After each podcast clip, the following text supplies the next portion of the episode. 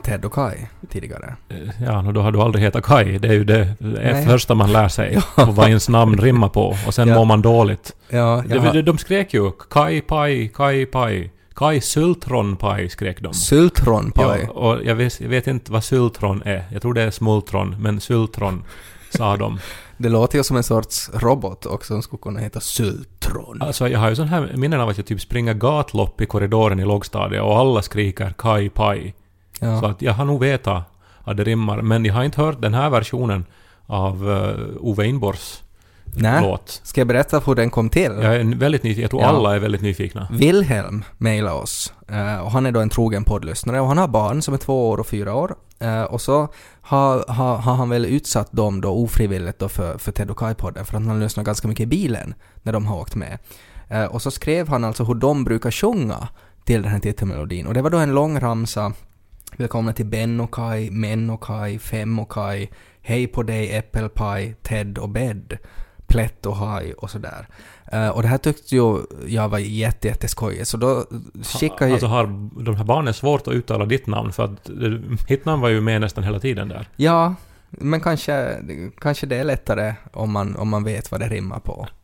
Eh, men så då, då telegraferar jag Ove Einborg genast med, med det här infon att det här är otroligt skojigt. Bara som en rolig grej.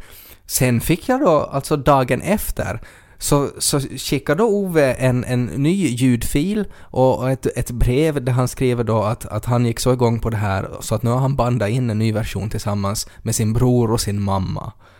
Uh, som då var det här. Och, och det är ju helt otroligt tycker jag. Eh, Alltså, Ove Imborg är ju eh, så generös med sin tid Ja. och med sin kreativitet Ja. att jag vet inte om det finns någon motsvarighet ens. Nej, Men- nej, jag vet inte heller. Alltså Men, skulle vi så vara det här kung... är liksom då musik av Ove Inborg och text av Wilhelms eh, söner eller döttrar?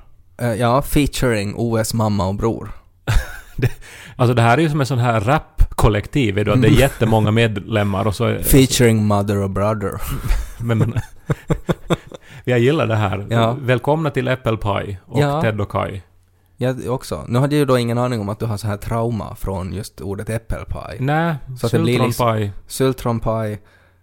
Pie. Kai. Det är inget som rimmar på Ted heller. Du har aldrig säkert fått såna här liksom trauman. Nej men på Ted engelska. come to bed. Ja. Uh, Det vill man ju höra. nå, det beror på helt vem som säger det. No, det är sant. Ja, om Charles Manson säger det. Så då är det ju inte trevligt. Charles Manson dog ju i Jo, jag morse. förstod det. Vi spelade in det här på måndag och Mm. han, han hade precis dött. Hade du någon relation till Charles Manson? Nej, alltså inte skulle jag säga det. Alltså han var nu bara den här tassiga farbrorn med ett hakkors i pannan i fängelse. Ja, Det, det är ju nog intressant och jag undrar om inte han är den första, alltså som, vet du, en brottsling som blir på något sätt till en sån här rockstjärna. Ja, det kan... Det är säkert, han är säkert den första. Och det är ju oerhört på något vis... Bonnie och Clyde var nog före. Ja men de dog väl på köpet liksom. Ja, Alltså jag tänker bara att Charles Manson dog ju nu då av eh, naturliga orsaker som det heter då, som Mm. 83-åring ungefär. Men att han ju suttit inspärrad sedan 70-talets början. mm. Och eh, han har ju uppnått kultstatus. Jag skulle kanske främst tro att den här kultstatusen har väl berott på att han ju faktiskt varit med i media jätte, jättemycket. Och sen också det då att han är ju veta, alltså att han kommer ju aldrig att bli frisläppt. Så i alla intervjuer med honom så har han ju kunnat vara hur crazy som helst och bara säga så idiotiska och sjuka saker som möjligt. Ja, och det finns ju en massa intervjuer med honom, bland annat på YouTube, och man hittar ju alltså såna fansites, vet du, till Mm. honom. Mm. Som, det, det, det. Hade han inte en ganska ung, alltså att han var gift med någon ganska ung kvinna Ja, det också? var ju då någon peundare, en ung tjej som, som då gifte sig med honom på, Ja. på, på äldre dagar och så här. Och, eh, och det är ju på, på något sätt är det ju oerhört respektlöst mot de här många offren som, Mm. som han, han Verkligen. skördade. Många familjer. Men det är, alltså det är ju ett fenomen, alltså han är ju en franchise. Mm. Och, och nu är det ju någon- någonting fel med världen när en eh, sån här människa kan bli det. Mm. Senast för två år sedan kom ju den här boken The Girls, som jag kan rekommendera till allihopa, som är inspirerad av de här Manson-morden, eh, men handlar då om de här flickorna som han samlade omkring sig. Mm. Eh, Alltså helt- kulten. Ja, och som ju sen utförde de här morden. Det var ju inte han Mm. som utförde morden. Nej.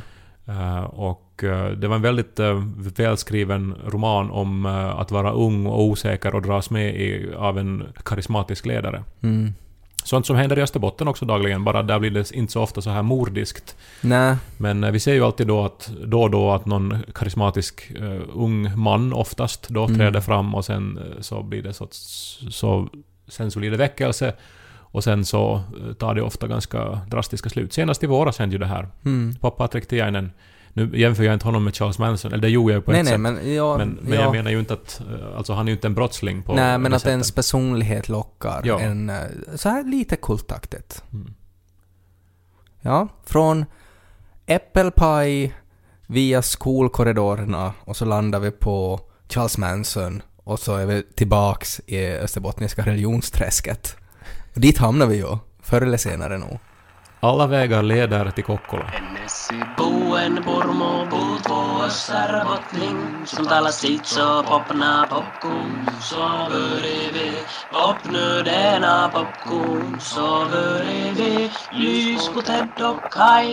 Apropå Wilhelms barn. Mm. eh, vi var ju ute på turné här.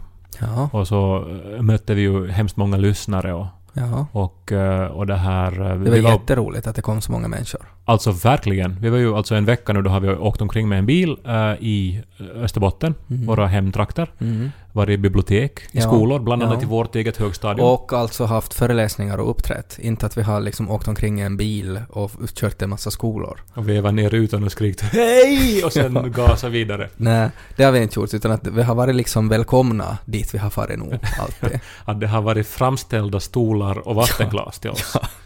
Ja. Måste poängteras. Ja, vi har ju, alltså vi har ju en bok som är Finlandia-nominerad. Just den där Finlandia-nominerade boken har vi ju pratat om då. Ja, Mm. och det får vi ju säga ännu i en vecka här. Tills Mauri Kurnas sliter det ur oss.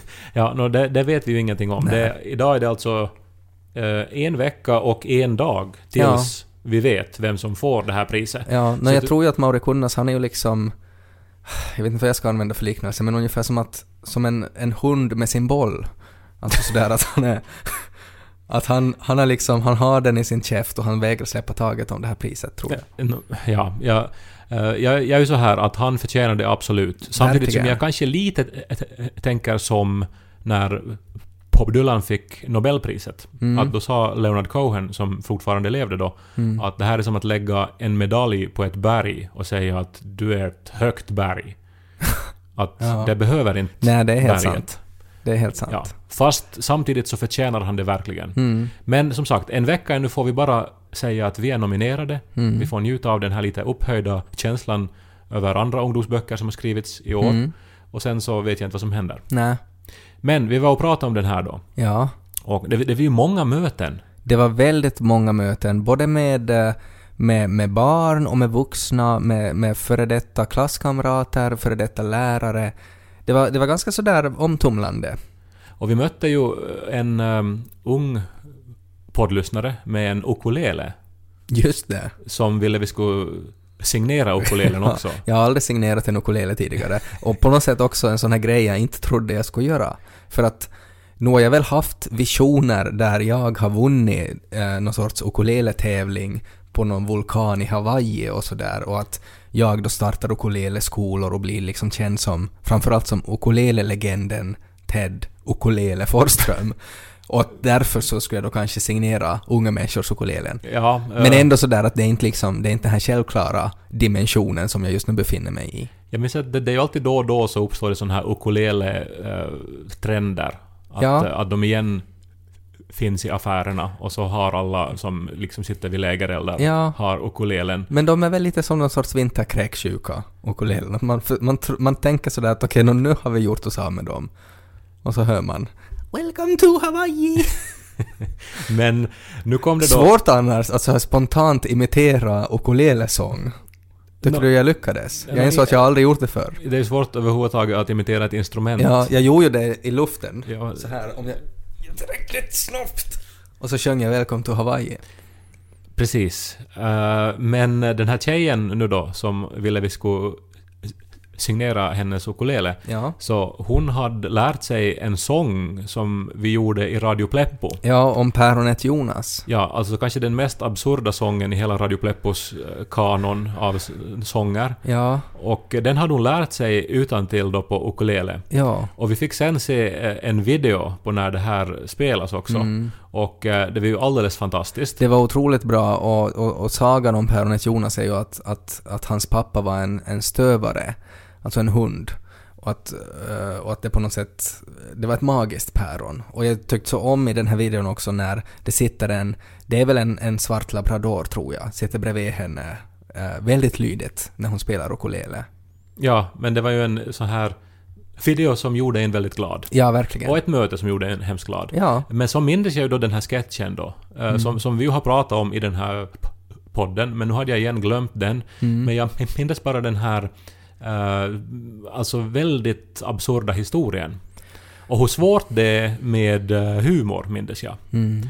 Att, att det här, man, man ju gör någonting som man skrattar åt själv i stunden, Mm. men alltid, eller egentligen rätt så sällan, så, så förmedlas det här till eh, lyssnaren. Ja, jag skulle säga att det där, alltså det där päronet Jonas, vi gjorde väl kanske två sketcher med päronet Jonas och jag skulle säga att där var det väl nog en så här, ett jättebra exempel på situationsbunden humor. Alltså att vi tyckte det var roligt för att det var på något sätt i vår trötthet och desperation av att hitta på nya saker varje vecka, så gjorde vi ju liksom någon som nästan med flit var, var sådär ingenting annat än fantasi. Att det, det, det var inte riktigt Alltså tanken på att det är ett päron som kan flyga och skälla.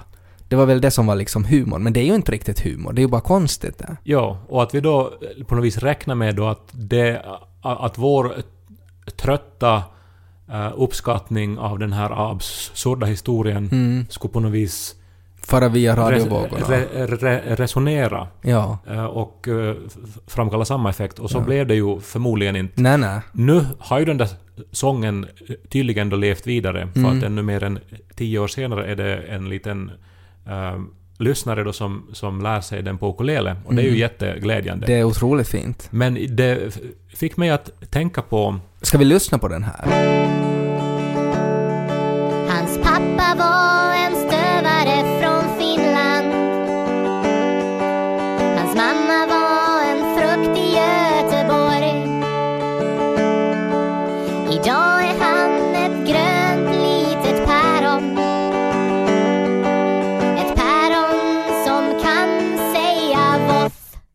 Och flyga. Jaha, frukt står det då. Nå, oj, oj, vad mycket. Eh, Nå, päron är ju gott. Vi ska se nu då, man ska välja det där längst bak. Ser nog saftigt och bra ut. Vi ska se. Nå, vad i helvete, va? Ah! Ah! Ah! Mm, den är konstig. Den är jättekonstig. Och eh, vi visste redan när vi gjorde den att den var konstig, men då var vi övertygade om att den är så pass konstig att det kommer att få folk den att kommer nog att gapskratta. funka. Ja. Men jag började tänka på en sån här... Alltså, att jag, att jag har en sån här historia av väldigt eh, mycket sökande och experimentell humor. Mm. Alltså utan dig. Jaha. Alltså Ja. att jag har varit en sån här avantgarde humorist. Ja. Visste du det? Nej, det visste jag inte. Men du hade liksom performanser i New York då, liksom spika fast dig i en, en uh, husvagn. Alltså som när Beatles gjorde den här eh, vita skivan Mm. som heter The Beatles men kallas för The White Album. Mm. eh, Så, så, så höll John Lennon på och lekte med såna här uh, tape-loopar. Ja. Så att han liksom... No, du vet hur det funkar kanske. Alltså en Man kan loopa grejer. loopar som kopplas då till en master och sen så Mm. sitter man och lägger upp och ner på såna här faders så att det kommer in vet du, olika loopar i random ordning och så blir det till sist ett sorts ljudkollage. Det är sådär att alltid om äldre människor ringer in till radion, så då låter det ju så för de har ju volymen på för högt. Ja, eller det är väl rundgång du talar om då? Ja. Jag menar alltså att man gör ljudkollage. Ja. Mm. Jag, jag tänkte skoja, ja. Men att det här, vi ska ju inte skoja om ljudkollage. Nej, jag förstod inte att du skojar. Nej. Eh, nu visar ju, det här var ju ett utmärkt exempel på att det kan vara svårt med humor. Att i ditt huvud var det där ett klockrent skämt. Och sen Nej, jag fattar försök- inte jag det. Nej men jag försöker så här tänka att vad låter som det där och så tänker jag då att ja men alltid när man börjar höra det låter två gånger och det blir så här som jag kan tänka mig då att John Lennon satt och lät då. Han, han gjorde då låten Revolution Number 9, som är väl den konstigaste Beatles-låten. Den är jättelång och det är bara en massa olika ljudeffekter. Mm. Och eh, en röst som upprepar Number 9, Number 9, Number 9. Ganska dålig är den ju också. Ja, den är inte, inte så här eh, någon höjdpunkt i deras karriär. Nej. Men avantgardistisk, Experimentell. som jag var när det gällde humor. Mm. Jag pushade boundaries för vad humor var. Okej. Och ganska ofta blev det just som ditt rundgångsskämt där. Ja. Att det, det fick ju den reaktionen. Men vad, vad, hade du någon, liksom någon egen så här, inte humorgrupp då, men på något sätt humorpersonen Kai, innan du träffade mig? Som jag inte är medveten om? alltså ända sedan jag var riktigt liten. Ja, Och eh, jag är överraskad över att vi inte har pratat om det här. okej. Eh, Men jag tänkte nu att jag skulle presentera liksom topp tre av de här, de här mina humorexperiment som har misslyckats. Okej. Men vad var liksom, när man, oftast när man gör experiment så har man ju som hypoteser och ett mål och sådär. Vad var liksom, vad var tanken bakom det här? Var det uttryckligen bara humor för nöjets skull? Tanken var att locka fram till gapskratt. Ja, ja. In, ingen så här liksom att du ska eufori. provocera. Ja, ja. Liksom. Glädje. Ja. Alltså Jesus. Precis. Mm. Och eh, om vi då tar det då på plats nummer tre. Mm. Eh, så här tror jag faktiskt att du var med. Eh, det, här är nu då inte, eh, inte så otroligt avancerat. Det var jag skulle hålla ett föredrag i samhällslära. Mm. Jag tror det skulle handla om eh, de olika politiska partierna i Finland. Ja. Det här var då alltså 90-talet. Eh, Men så hade jag rådat med mig då, som en förberedelse då, Mm. jag skulle ha ett inledningsskämt, så hade jag rådat med mig en enorm, alltså, kvist. Alltså typ en björk hade jag med mig. Jag kommer ihåg det här. Det var ju det enda man såg, alltså att du stod med en, en, en, en enorm bastukvist. Mm. Och, och du kan ju föreställa dig då liksom du, mitt hjärta som pultar att alltså, Mm. nu ska jag få hela rummet att, att vråla av skratt här nu då. Ja, alltså det är alltid om man tar med sig props så är det ju på något sätt att det är ju allt eller inget då, att man är ju all in då. För att om det inte funkar då så då funkar det som så otroligt då. Det är inte bara att det inte funkar utan att sen står man där med en kvist. Nåja, men nu kom jag då in i rummet då med en björk typ i, Ja. i, i, i min hand. Mm. Och, och sen ställde jag mig då inför hela klassen och läraren och så eh, det här sa jag då mitt skämt. Mm. Är du beredd? Ja. Men du kanske minns det här? Ja, jag minns men, det. Men, men okej, alla lyssnare är nu då beredda. Mm. Jaha. Men nu kanske ni alla undrar varför jag har med mig en björk hit till skolan? Nej. Men då tar jag någonting annat då. Och så lät jag björken ramla till marken. Mm. Och så började jag med mitt riktiga föredrag. Ja, och det, det som det ju ledde till var att ingen hörde ju på ett ord vad du sa om det där föredraget, för att alla undrar ju varför pratar du inte om den där björken som du hade med dig hemifrån? Och vad skulle du ha sagt om den där björken? Är det något speciellt med den där björken? Och sådär. Nå, alltså jag eh, märkte ju genast att det här funkar ju inte. Nej. För alltså, det var ju knäpptyst. Alltså, jag såg bara förvirring. Mm. Och förstås eh, inget gapskratt och inte ens... Alltså inte ett ljud Nej, nej, nej, det var ju, det var ju... Alltså jag tror ju att största pro- problemet var ju att vi gick ju i skola och att det var han, handlade om föredrag. Att det var inte så där att skulle det ha varit en så här stand-up-miljö så tror jag man skulle ha varit mer mottaglig till att skratta. Men att just där var det på något sätt att det blev så konstigt bara. Mm, Men det är ju just det att konstigt är ju hela grejen. Alltså Ja. det här är ju så konstigt att det är roligt. Ja. Och i mitt huvud så, så var ju det här hilarious då, Ja. för att det var så konstigt och, så, och så onödigt. Alltså du borde kanske ha kommit tillbaka till den där björken på något sätt. Alltså att du skulle liksom ha fått med den i ditt föredrag. På något sätt ändå. Och då skulle det kanske ha blivit roligt. Jaha.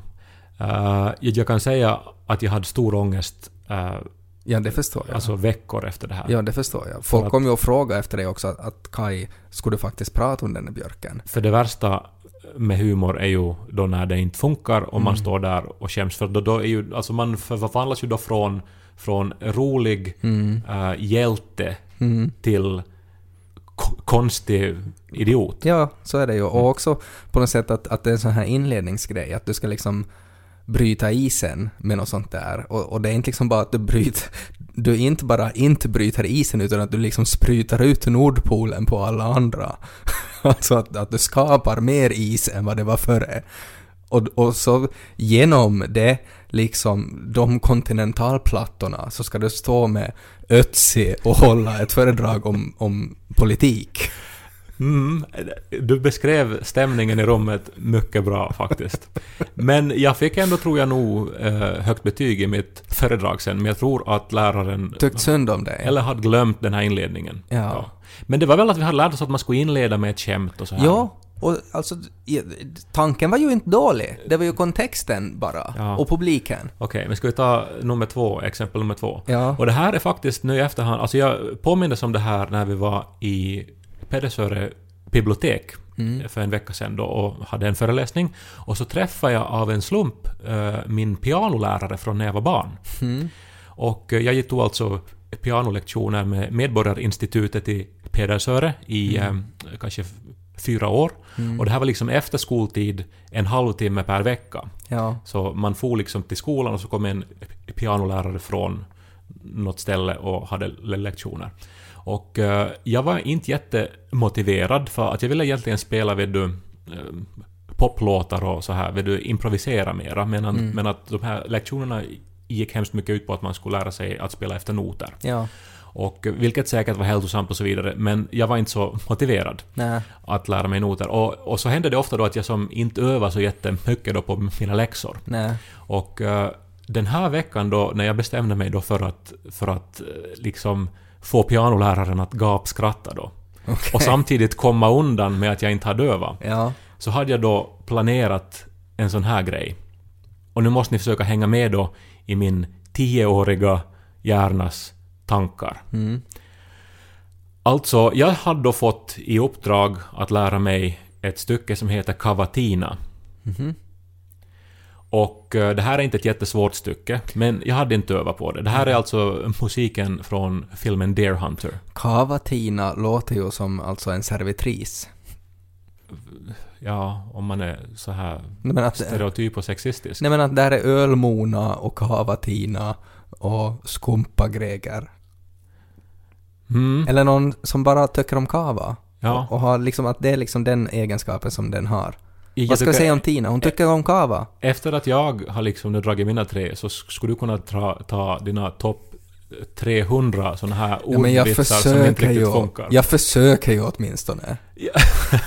Men eh, hör nu på vad jag försöker Ja, här. ja. Ja, Kan du, kan du på något sätt låta som Deer Hunter-musiken då? För att jag tror ju nog att jag vet vad det är.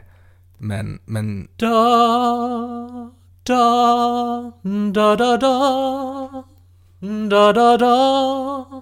Da, da, da. Da, da, da. Da, da, da. Det spelas på gitarr det här. Ja, jag har nog aldrig hört den där tror jag. Och det är jättekänt. Nå, ja, Mm. inte jättesvårt, men jag hade inte övat det här. Nej. Så vad bestämde jag mig då för att göra? Nå, eh, jag skrev noter till en egen komposition. Eh, skrev för hand ett helt blad, ett stycke som hette Kavalina. Och så eh, skrev jag då ett väldigt lätt stycke. Ja. Och sen när jag kom till läraren och så skulle jag spela min läxa då, Cavatina, Ja. så tog jag istället fram Kavalina. och så kunde jag ju spela det väldigt bra, för Ja. det var jättelätt. Ja. Och så var det liksom han som hade mockat då som hade gett dig Kavalina istället för Cavatina. Jag tänker ju mig att jag då föreställde mig att han skulle tänka att eh, Ja, alltså det, det blir så invecklat det här. Men det är ju väldigt avancerat alltså. Väldigt Och- avancerat. Och, och jag tycker att det är mycket tydligare humor än Björken. Men det är nog konstigt. Alltså, eh, alltså men försök, alltså jag försöker som reda Men, ut men hur nu. gjorde du liksom setupen? Att var det liksom... För, för det är jag kanske mest nyfiken på, för att där borde du... Alltså storyn jag försökte presentera är ju att jag har hört fel. Att det var ju det här Kavalina som jag tro, trodde att jag skulle lära mig. Ja, det är ju ja. lätt. Så Ja, här. ja. Så oho, Mm. liksom. Men samtidigt så skulle det ju då liksom vara underförstått då att, att, att jag har gjort det här. Och det här skulle sammantaget skapa ett gapskratt hos Ja, ja. pianoläraren. Alltså det är ju väldigt avancerat är det ju. Mm, han förstod ingenting. Han, han stirrade på mig som att jag var galen i huvudet. Och det är ju den värsta reaktionen. Men otroligt avancerat experiment. Ja, faktiskt. Men hur gick det sen då? Liksom slet han ditt papper i tu då och sa ”Det här är ju kavatina, satan!” Jag, tror att jag måste liksom sen förklara att, att, att, Vad du hade gjort. att det, ja, alltså jag tror till saken hör också att han ju hade så många elever, så han mindes ju inte att jag skulle spela Cavatina heller. Nej, just det. Men du framstod ju nog som galen. Nå, det, så har jag ett exempel till då. Ja. Och det var alltså en sorts performance som jag gjorde Ja. i lågstadiet. Ja, du låste in dig i en så här vattenkista. Jag äh, älskade lego när jag var barn. Mm. Jag hade såna här stora puggsatser med tekniklego. som, som hade motorer och, Ja. och gummiband och vet du, som, alltså att man gjorde saker som rörde sig och utförde grejer. Mm. Eh, byggde, min specialitet var såna här tivoliattraktioner som Mm. jag designade och som jag... Jag kommer ihåg du hade med till skolan en gång. hade jag också, ja. Och, eh, men då, i lågstadiet, så byggde jag en dammsugare Mm. som var så här liten. Eh, Och eh, sen hade jag då en briljant idé. Nu ska jag få folk att skratta. Mm. Så jag äh, gömde dammsugaren i tröjärmen i min tröja. Mm. Alltså drog upp min egen arm så att, så att det blev ett tomrum här, lik- Ja. här vid själva öppningen och där höll jag då i dammsugaren. Ja. Och sen så tog jag konfetti, alltså sönderrivet papper, Mm. och hade i min ficka. Och så gick jag då genom skolkorridoren äh, f- förbi då de som jag skulle roa. Mm. Eh, och sen så, när jag gick förbi, så låtsades jag tappa konfetti på marken. och så sa jag ”Oho!” sa jag.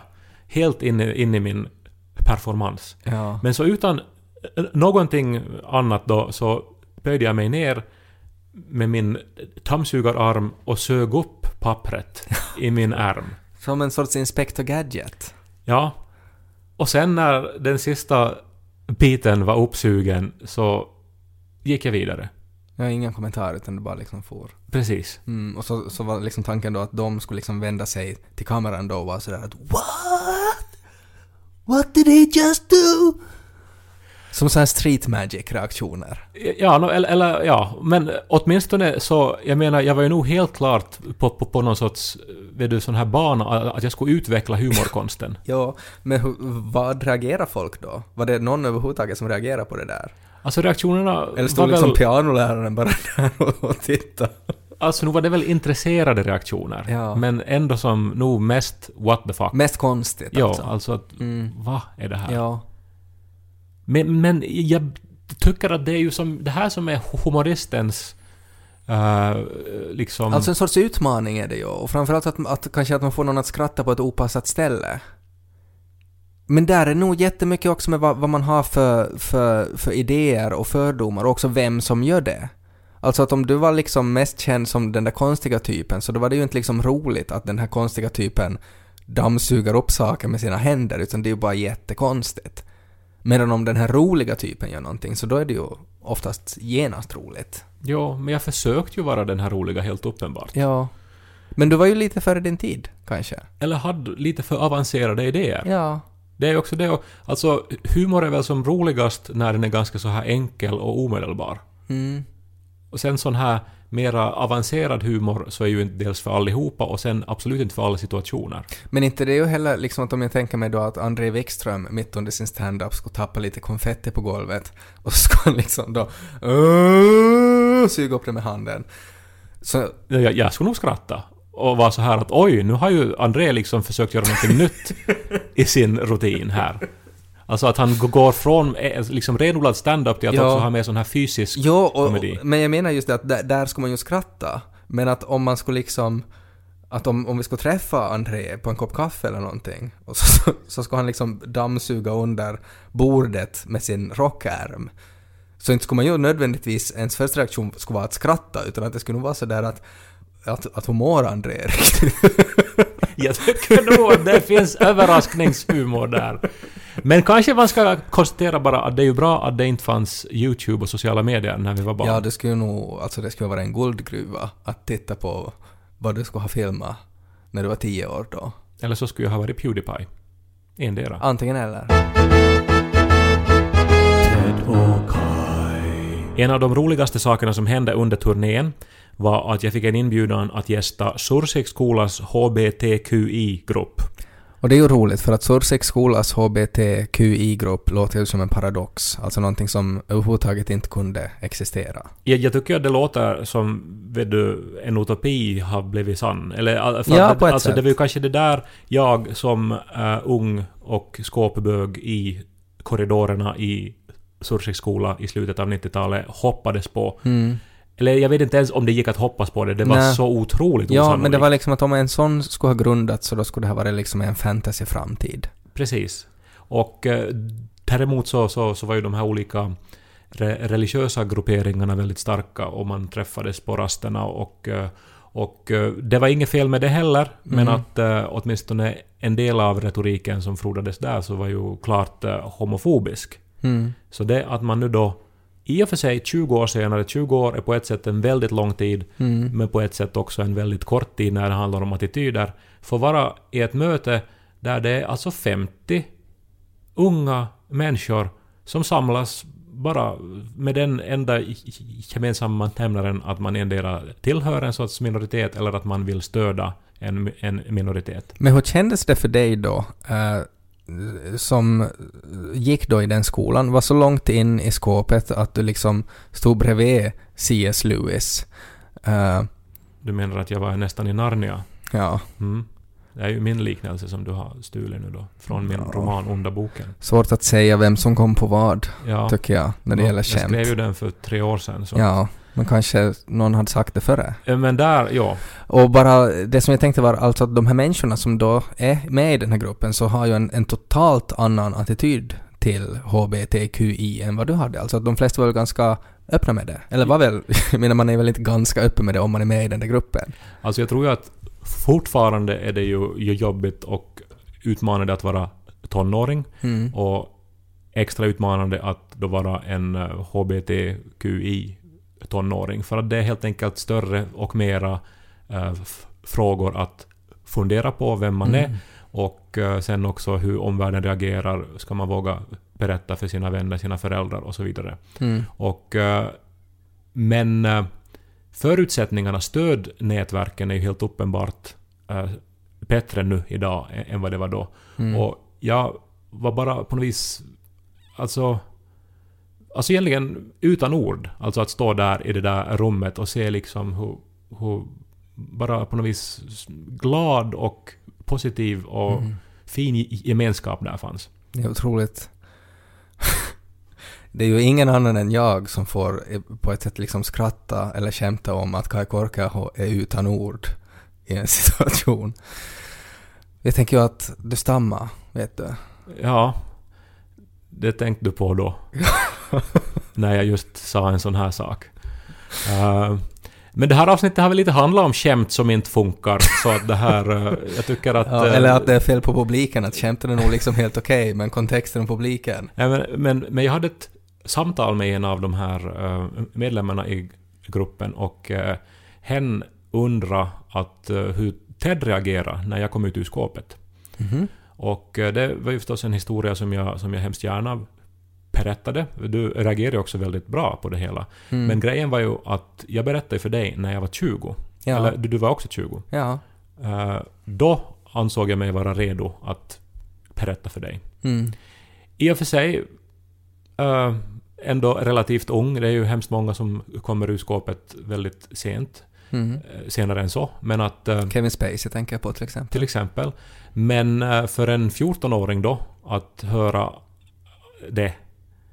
Så jag bara såg liksom i hens ögon att liksom en överraskning att Mm. oj, så, så sent liksom. För Ja. att som när man är f- 14 så är ju 20 är ju någon sorts Det, fantasi. det, det är helt... ålder. Ja, så är det ju. Och, eh, men det, det vi visar ju också nog på tidens utveckling. När vi, vi, vi var 20, det var 2003. Det var bara fyra år efter att Finland skrotade en lag som sa att man inte fick uppmuntra till homosexualitet. Samma lag som nu är i kraft i Ryssland och som leder till helt vidriga saker i Ryssland. Mm. Det var bara två år efter den första Pride-paraden i, i, i hela Finland. Mm. Så kom jag ut till dig. Eh, och eh, då kändes det som att det var absolut den första möjliga tidpunkten också. Mm. Eh, men det om någonting visar väl då att eh, vilken fin förändring som har inträffat. Verkligen. Att idag kan man som 14-åring hitta en stödjande gemenskap i sitt högstadium också i norra Österbotten. Så jag lyfter på hatten till Sursikskolas HBTQI-grupp och alla som är aktiva där och alla som går på de här mötena. Jag kommer gärna att hälsa på er igen och eh, ni är fantastiska. Ni är, ni är hopp för regionen och för framtiden. Och jag hoppas att ni får alla pris av Pedersöre kommun ni bara kan få.